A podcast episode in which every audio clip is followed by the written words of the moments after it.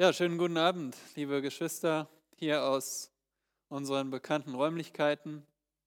Und ja, ich begrüße euch zum Gemeindeleben. Wir wollen auch heute wieder auf Gottes Wort hören. Und wir grüßen euch auch als Älteste. Wir haben uns heute wieder getroffen, so auf digitalem Wege und überlegt und besprochen, wie wir euch in dieser Zeit möglichst gut dienen können. Erwartet also in den nächsten Tagen noch eine E-Mail auch zum Thema Evangelisation, denn wir können auch auf digitalem Wege unsere Bekannten auf Ostern aufmerksam machen. Dazu bietet äh, Werner Heukelbach Mission auch einige Möglichkeiten. Ja, und außerdem machen wir unsere Wachstumsgruppen ja auf Zoom. Keiner ist aber gezwungen, daran teilzunehmen. Einfach so, wie ihr auch das gerne möchtet und Möglichkeit habt. Aber wir freuen uns auf den Freitag. Am Freitag haben wir Karfreitag und wir ähm, denken an die Kreuzigung Jesu. Wir feiern einen Gottesdienst mit Mahl des Herrn. Darüber seid ihr informiert. Und so ja, bereitet euch auch bitte innerlich darauf vor, habt auch etwas Brot und Saft bei euch, dass ihr das Mahl mitfeiern könnt, wenn ihr den Herrn kennt. Und dazu passt auch unser Bibelvers für diese Woche aus Wort im Herzen, aus Römer 10, Vers 9, den wir jetzt gemeinsam aufsagen wollen, wenn ihr den gelernt habt. Das ist ein wunderbarer Vers über die Errettung und passt zur Auferstehung. Denn wenn du mit deinem Mund Jesus als den Herrn bekennst und in deinem Herzen glaubst, dass Gott ihn aus den Toten auferweckt hat, so wirst du gerettet. Was ein wunderbarer Vers. Und auch heute wollen wir wieder Gottes Wort betrachten, aus den Einanderstellen, wie wir einfach einander betrachten. Und so, ja, bitte ich euch, mit mir zu beten und dann steigen wir ein. Vater im Himmel, wir preisen dich für ja, deine große Güte, dass du deinen Sohn gesandt hast, damit jeder, der an ihn glaubt, als den Herrn, als den Auferstandenen, gerettet wird. Und so freuen wir uns auch darauf, dass wir daran besonders denken können, diesen Tagen. Und heute Abend wollen wir wieder gemeinsam aus deinem Wort lernen. Wir beten, dass du uns bald wieder auch körperlich so zusammenführst, dass wir uns hier treffen können. Aber dass wir auch trotz der momentanen Entfernung weiter lernen können aus deinem Wort, wie du dir Gemeinde vorstellst, wie du sie gemacht hast und wie wir dich ehren indem wir nicht auf uns selbst zuerst schauen, sondern auf den anderen. Und so bitte segne du jetzt auch diese Zeit unter deinem Wort, denn du bist unser Herr und wir sind deine Sklaven. Amen. Gastfreundschaft. Nun, das betrifft uns alle, denn wir alle waren schon mal Gäste. Außerhalb unserer vier Wände, unserer eigenen vier Wände, sind wir überall nur zu Gast. Und vielleicht warst du schon mal zu Gast in einem anderen Land. Und ja, da gibt es Länder, wo du warst, wo es vielleicht, wo du dich ähm, ja, willkommen gefühlt hast, wo du äh, gerne warst. Und dann gibt es da auch Unterschiede. Man fühlt sich in manchen Orten eher willkommen als in anderen. Oder vielleicht warst du auch schon mal im Restaurant, in der Gaststätte und dort zu Gast und man merkt gleich so in den ja, ersten Momenten, ist man hier willkommen, kümmert man sich hier um einen, sind die Bedienungen freundlich, zuvorkommt. Und das hat dann auch Auswirkungen darauf, ob man wieder mal in dieses Restaurant gehen würde oder ob man lieber einen Bogen drum macht. Gastfreundschaft. Oder auch im Miteinander. Wenn wir beieinander zu Gast sind, merken wir auch, freut sich der andere, dass ich da bin? Oder bin ich ihm eher eine Last? Und das hemmt uns dann davor, weiter Gastfreundschaft zu suchen. Also wirklich sehr entscheidend, diese Gastfreundschaft, die wir erleben, ob beim Reisen oder ob wir zu essen gehen oder ob wir einander besuchen. Nun, in der Bibel sehen wir, dass Gastfreundschaft, Gastfreundlichkeit sich durch die ganze Bibel hindurchzieht. Wir denken zum Beispiel an Abraham, der Gäste aufgenommen hat. Aber Gastfreundschaft war auch eine markante Eigenschaft unter den Christen. Und so hat Gott auch heute noch uns befohlen, gastfreundlich zu sein. Zum Beispiel in 1. Petrus Kapitel 4. Schlag mal diesen Vers auf, bitte in 1. Petrus 4, Vers 9. Da steht, seid gegeneinander gastfreundlich, ohne Murren.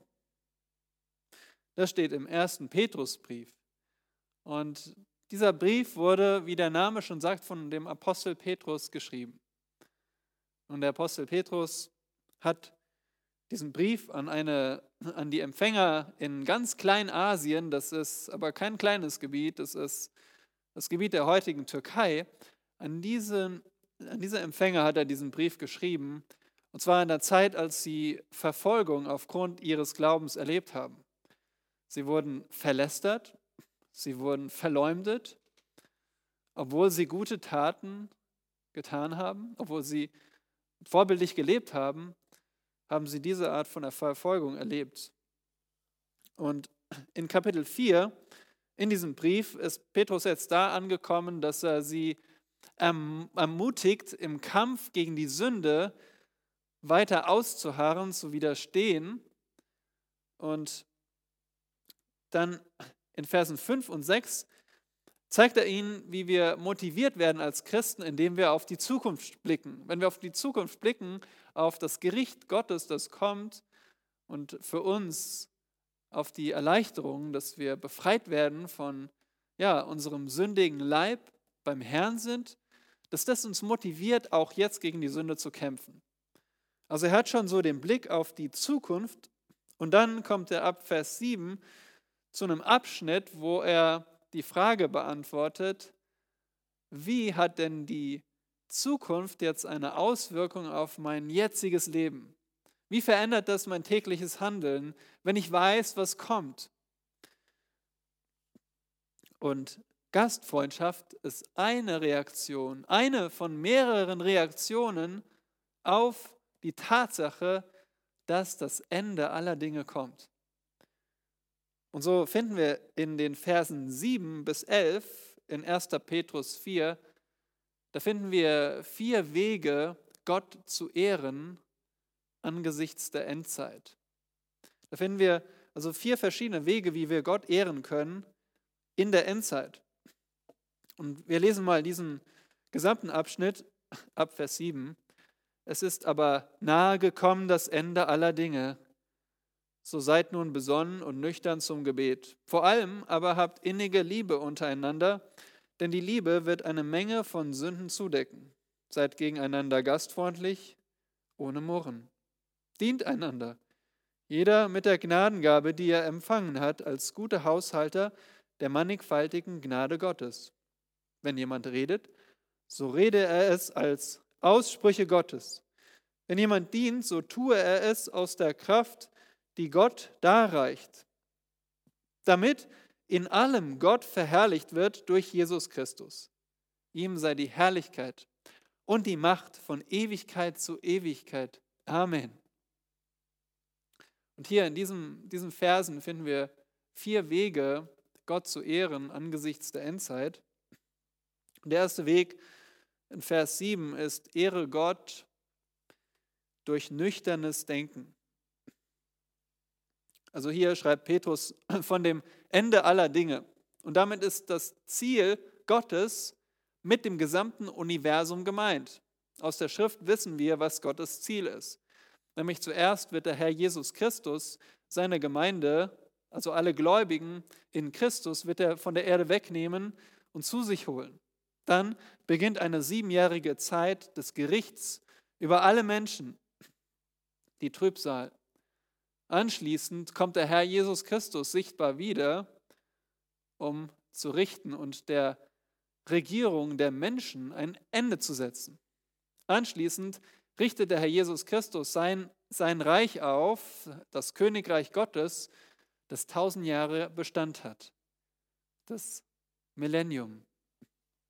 Und danach werden Ungläubige und der Teufel von allen Zeiten, werden Ungläubige auferstehen und sie werden gerichtet für ihre Werke und verdammt. Das jüngste Gericht. Und danach folgt dann das ewige Reich Gottes mit allen, die erlöst sind. Und das ist der neue Himmel und die neue Erde. Das ist das Ziel Gottes, was Petrus meint, was er zusammenfasst mit Ende aller Dinge. Und das Ende ist nahe, weil der Herr kann zu jedem Zeitpunkt wiederkommen. Und das sollte und muss unser Handeln jetzt beeinflussen.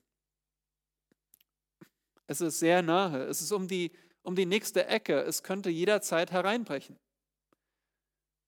Bist du bereit für das Ende? Bist du schon mit Gott versöhnt? Und wenn nicht, dann ist heute deine Gelegenheit, umzukehren von deinem Leben ohne Gott oder von deinem Leben im Vertrauen auf deine eigene Güte.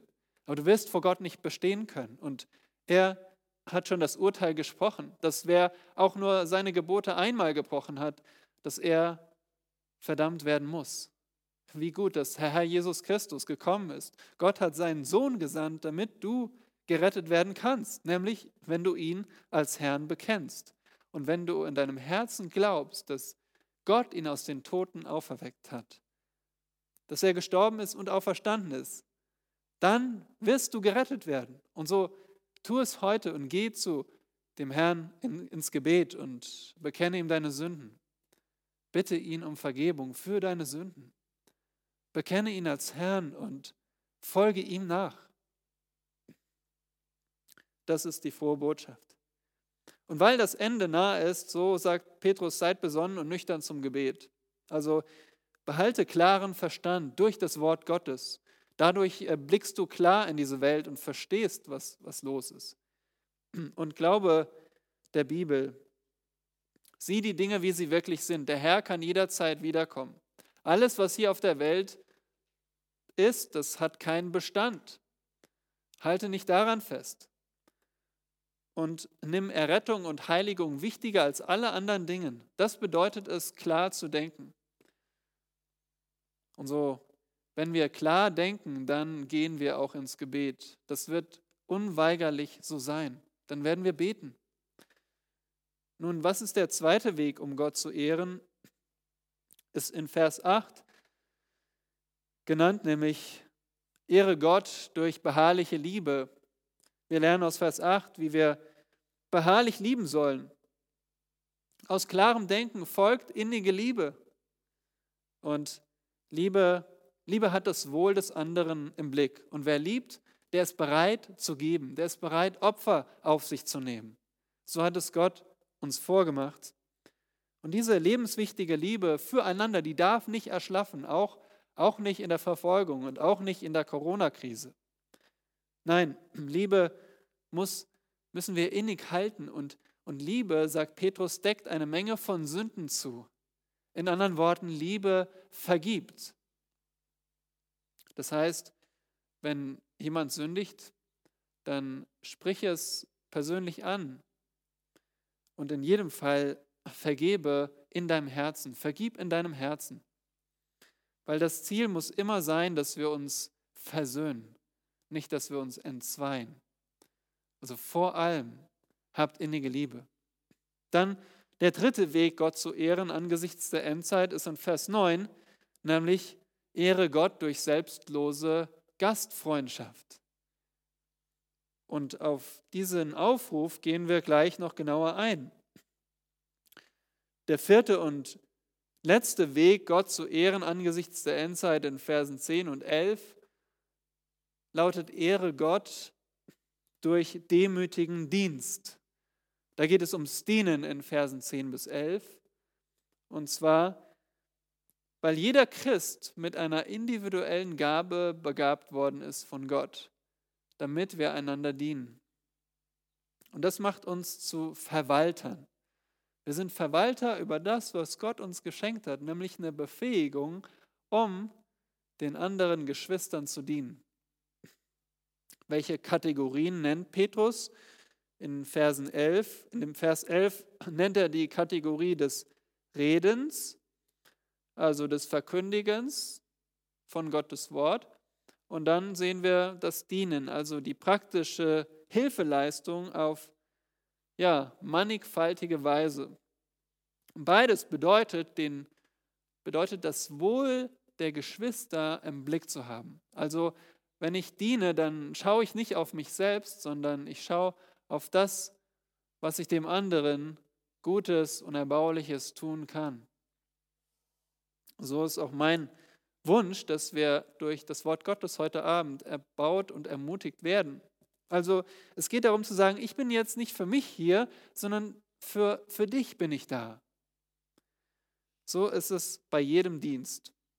Und der Abschnitt hier endet mit dem Ziel, das über allem steht. Also das Ziel ist nicht, dass wir den Menschen dienen. Das ist zwar auch eine Absicht, aber das übergeordnete Ziel findet ihr nach dem Wort damit, damit in allem Gott verherrlicht wird durch Jesus Christus. Also Gott soll dargestellt, erhoben werden. Und so ist das Ziel aller dieser vier geistlichen Pflichten, Gott zu ehren, Gott zu verherrlichen durch Jesus Christus. Das bedeutet nichts anderes, als dass wir Jesus Christus darstellen durch unser Handeln, durch unser Denken, durch unsere Liebe, durch unsere Gastfreundschaft, durch unseren Dienst, damit Gott sich selbst sieht in uns, damit er sein Wesen wiedererkennt und sich darüber freuen kann. Das ist das Ziel davon. Also jetzt sind wir bereit, uns dem heutigen Einandergebot zu widmen in Vers 9. Seid gastfreundlich zueinander.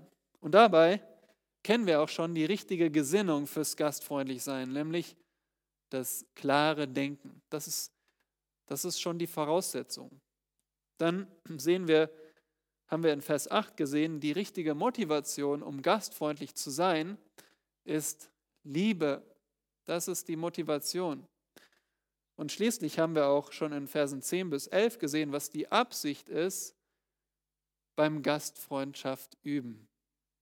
Nämlich, es geht nicht um mich, es geht darum, dem anderen zu dienen und dabei Gott zu verherrlichen, Gott Freude zu machen, indem wir Jesus Christus widerspiegeln. Und Vers 9 zeigt uns unseren Auftrag. Seid gegeneinander gastfreundlich ohne Murren. Seid gastfreundlich. Und dieses Wort gastfreundlich ist sehr interessant, denn es besteht im Griechischen aus zwei Teilen. Aus dem Wort Liebe und aus dem Wort Fremde. Also wörtlich Liebe zu Fremden. Und Abraham bekam Besuch von Fremden und er ja, diente ihnen mit Erfrischung und Essen. Hiob versicherte, in Hiob 31, Vers 32, kein Fremder brauchte draußen zu übernachten. Ich öffnete meine Tür dem Wandersmann, sagt Hiob. Die frisch bekehrte Lydia im Neuen Testament in Philippi, in Apostelgeschichte 16, die öffnete ihr Haus eifrig für Paulus und für die Mitreisenden und gab ihnen Unterkunft. Und damals war das sehr nötig. In dieser Zeit, in der auch Petrus schreibt, war es sehr nötig, dass es gastfreundliche Leute gab. Denn dort und damals gab es keine komfortablen Hotels wie heute.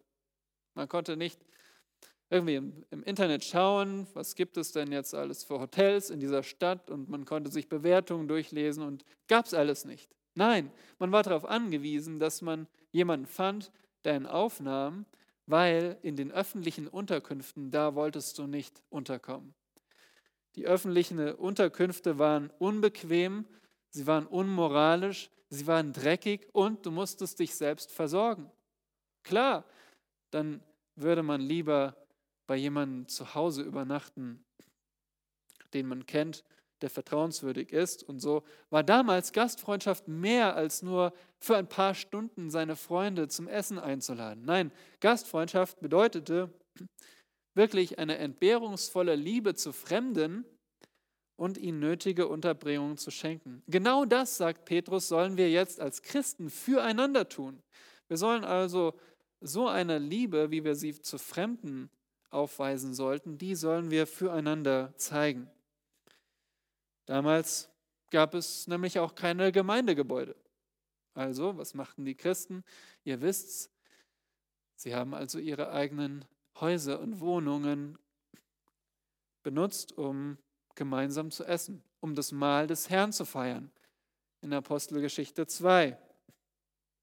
Sie haben auch ihre Häuser benutzt, um Gottesdienst zu feiern. Philemon, Vers 2. Sie empfingen Missionare und reisende Lehrer des Evangeliums und empfingen sie in ihre Häuser und gaben ihnen Unterkunft. Und dabei boten sie ihnen Verpflegung, einen Schlafplatz und auch noch Proviant für die nächste Etappe. Das sehen wir in, im dritten Johannesbrief. Dürft ihr gerne mal lesen, 3. Johannes, Verse 5 bis 8. Also, nicht nur Fremde sollen die Christen so behandeln, nein, wir sollen einander so behandeln, auf diese Weise, wie man damals mit Fremden gastfreundlich umgegangen ist. Und dabei kommt es dem Herrn auf unsere Einstellung an. Schaut einmal in den Vers, da steht, seid gastfreundlich ohne Murren, ohne Murren. Wörtlich bedeutet dieses Wort Murren auf eine leise Weise zu reden, vor sich hin murmeln, weil einem etwas nicht gefällt. Zum Beispiel, stell dir vor, du hast Gäste und jemand, jemand hat Gäste und, und murmelt in, innerlich, nun, ich hoffe, sie gehen bald, ich will heute Abend noch einen Film schauen. Oder jemand könnte vor sich hin murmeln, besser, du isst dieses Stück Kuchen nicht, ich will später noch die Reste genießen. Nun, wir würden das nicht so sagen, aber wenn wir es denken, ist es schon schlimm. Ohne Zweifel, Gäste zu haben, das, das kann uns belasten, das kann auch etwas kosten. Aber wir, wir dürfen nicht diese falsche Einstellung zulassen. Klar, wir haben auch weniger Zeit für eigene Aufgaben. Wenn wir Gäste aufnehmen, haben wir vielleicht mehr abzuwaschen und auch mehr zu putzen. Und wir müssen das Bad teilen unsere Zeit bewusster einplanen und Gewohnheiten verändern, wenn wir Gäste aufnehmen, die bei uns übernachten. Aber es muss aus der richtigen Einstellung geschehen, sagt Petrus und sagt Gott uns. Und ihr lieben Geschwister, bitte, bitte nehmt keine Gäste auf, seid nicht gastfreundlich aus Zwang. Bitte tut es nicht, weil ihr euch dazu genötigt fühlt tut es nicht aus Schuldgefühlen. Nehmt keine Gäste auf, einfach weil man das so macht als Christen, weil ihr euch irgendwie gedrängt fühlt. Nein. Wenn dann, tu es richtig. Tu es nur aus der richtigen Motivation und Einstellung heraus. Das ist Gott sehr wichtig. Wir können nicht zufrieden sein, wenn wir, wenn wir nicht diese richtige, selbstlose Einstellung aufbringen. Römer 12, Vers 13 sagt, nehmt Anteil an den Nöten der Heiligen, übt willig Gastfreundschaft. Also wörtlich heißt es, bemüht euch, strebt danach, gastfreundlich zu sein. Wir, wir dürfen uns nicht zufrieden geben und sagen, okay, ich bin halt nicht der gastfreundliche Typ. Nein, wir sollen danach streben, gastfreundlich zu werden. Und wie wir das tun können, das haben wir hier in dem Bibeltext vor uns, dass wir erst einmal richtig denken, nüchtern denken, dass wir Liebe füreinander haben und Liebe, besser gesagt, uns zur Liebe entscheiden und dass wir lernen zu dienen, lernen in der Gemeinde zu dienen. Und dann hilft es uns, auf dieser Grundlage auch persönlich gastfreundlich zu sein.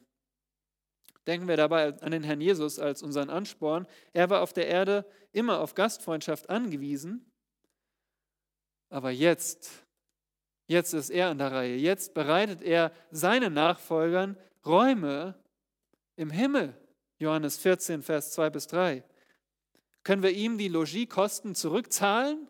Niemals. Der Herr Jesus Christus schenkt uns, schenkt uns Wohnungen im Himmel. Und so lasst uns auf diese Weise Gastfreundschaft üben, wie Lukas 14, Vers 13 bis 14 es beschreibt. Dort steht, sondern wenn du ein Gastmahl machst, so lade Arme, Krüppel, Lahme, Blinde ein, so wirst du glückselig sein. Denn weil sie es dir nicht vergelten können, wird es dir vergolten werden bei der Auferstehung der Gerechten. Denken wir also nicht daran, wie können unsere Gäste sich einmal revanchieren. Wie können sie mich mal einladen? Nun, so sollen wir nicht denken. Wir sollen es tun und dienen, auch wenn sie dich nie einladen.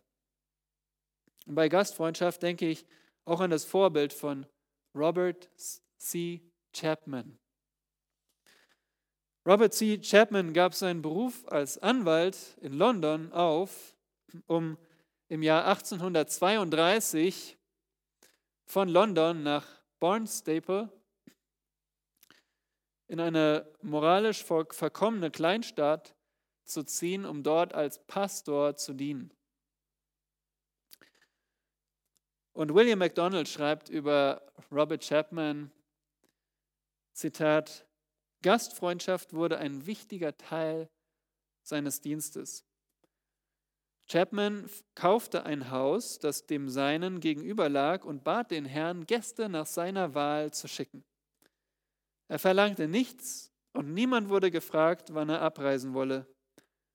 Die Gäste wurden gebeten, jeden Abend ihre Schuhe und Stiefel vor die Tür zu stellen, und am nächsten Tag waren sie aufpoliert.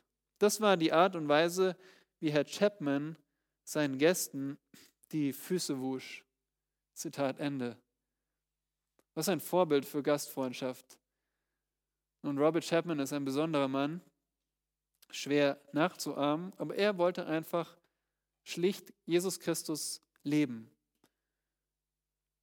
Nun zur Zeit sind unsere Möglichkeiten, Gastfreundschaft zu üben, eingeschränkt. Das wissen wir alle. Aber vielleicht ist das jetzt eine gute Gelegenheit, nachzudenken und unsere Gewohnheit zu überdenken, wie wir Gastfreundschaft üben. Wie nutzen wir unsere Wohnung und wie nutzen wir unsere Häuser? Geben wir uns Mühe, Gäste zu haben und das war ein, ein, wirklich ein Charakteristikum der Gemeinde für mich persönlich. Als ich hier zum ersten Mal im Gottesdienst war, wurde ich direkt danach gemeinsam mit meiner Mutter eingeladen zum Mittagessen. Was für ein, was für ein wunderbarer Einstieg in die Gemeinde.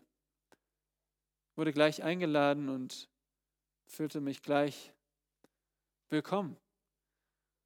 Und das, das können wir füreinander tun. Es gibt viele Optionen. Wir können Alleinstehende einladen oder Familien einladen oder neue Gemeindemitglieder einladen, die du noch nicht so kennst, Missionare beherbergen oder Hauskreise beherbergen, Geschwister außer Haus zum Essen einladen. Nun, manche von uns, die planen eher langfristig und dann sollte man auch langfristig planen und Termine abmachen. Andere sind eher spontan, aber ohne Initiative und ohne Einladung wird es nichts werden, wird es nicht dazu kommen, dass wir Gastfreundschaft üben. Also setzen wir Gottes Aufruf proaktiv um. Fragen wir uns dabei aufrichtig, suchen wir das Wohl unserer Gäste oder geht es mir eher nur um meine eigene Bequemlichkeit?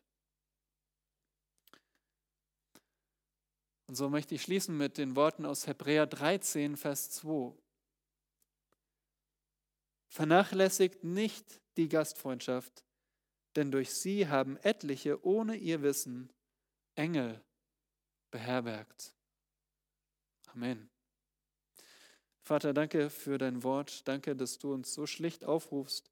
Seid gastfreundlich. Danke, dass du uns auch zeigst, aus welchem Denken das entspringen soll welche Motivation dahinter stehen soll, mit welcher Einstellung wir gastfreundlich sein sollen und zu welchem Ziel wir das ausüben sollen. Herr, es ist dein, dein Gebot an uns und wir wollen, wir wollen darüber nachdenken, Bestandsaufnahme machen.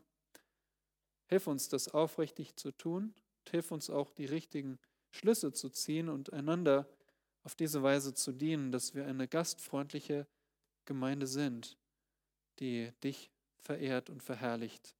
Amen.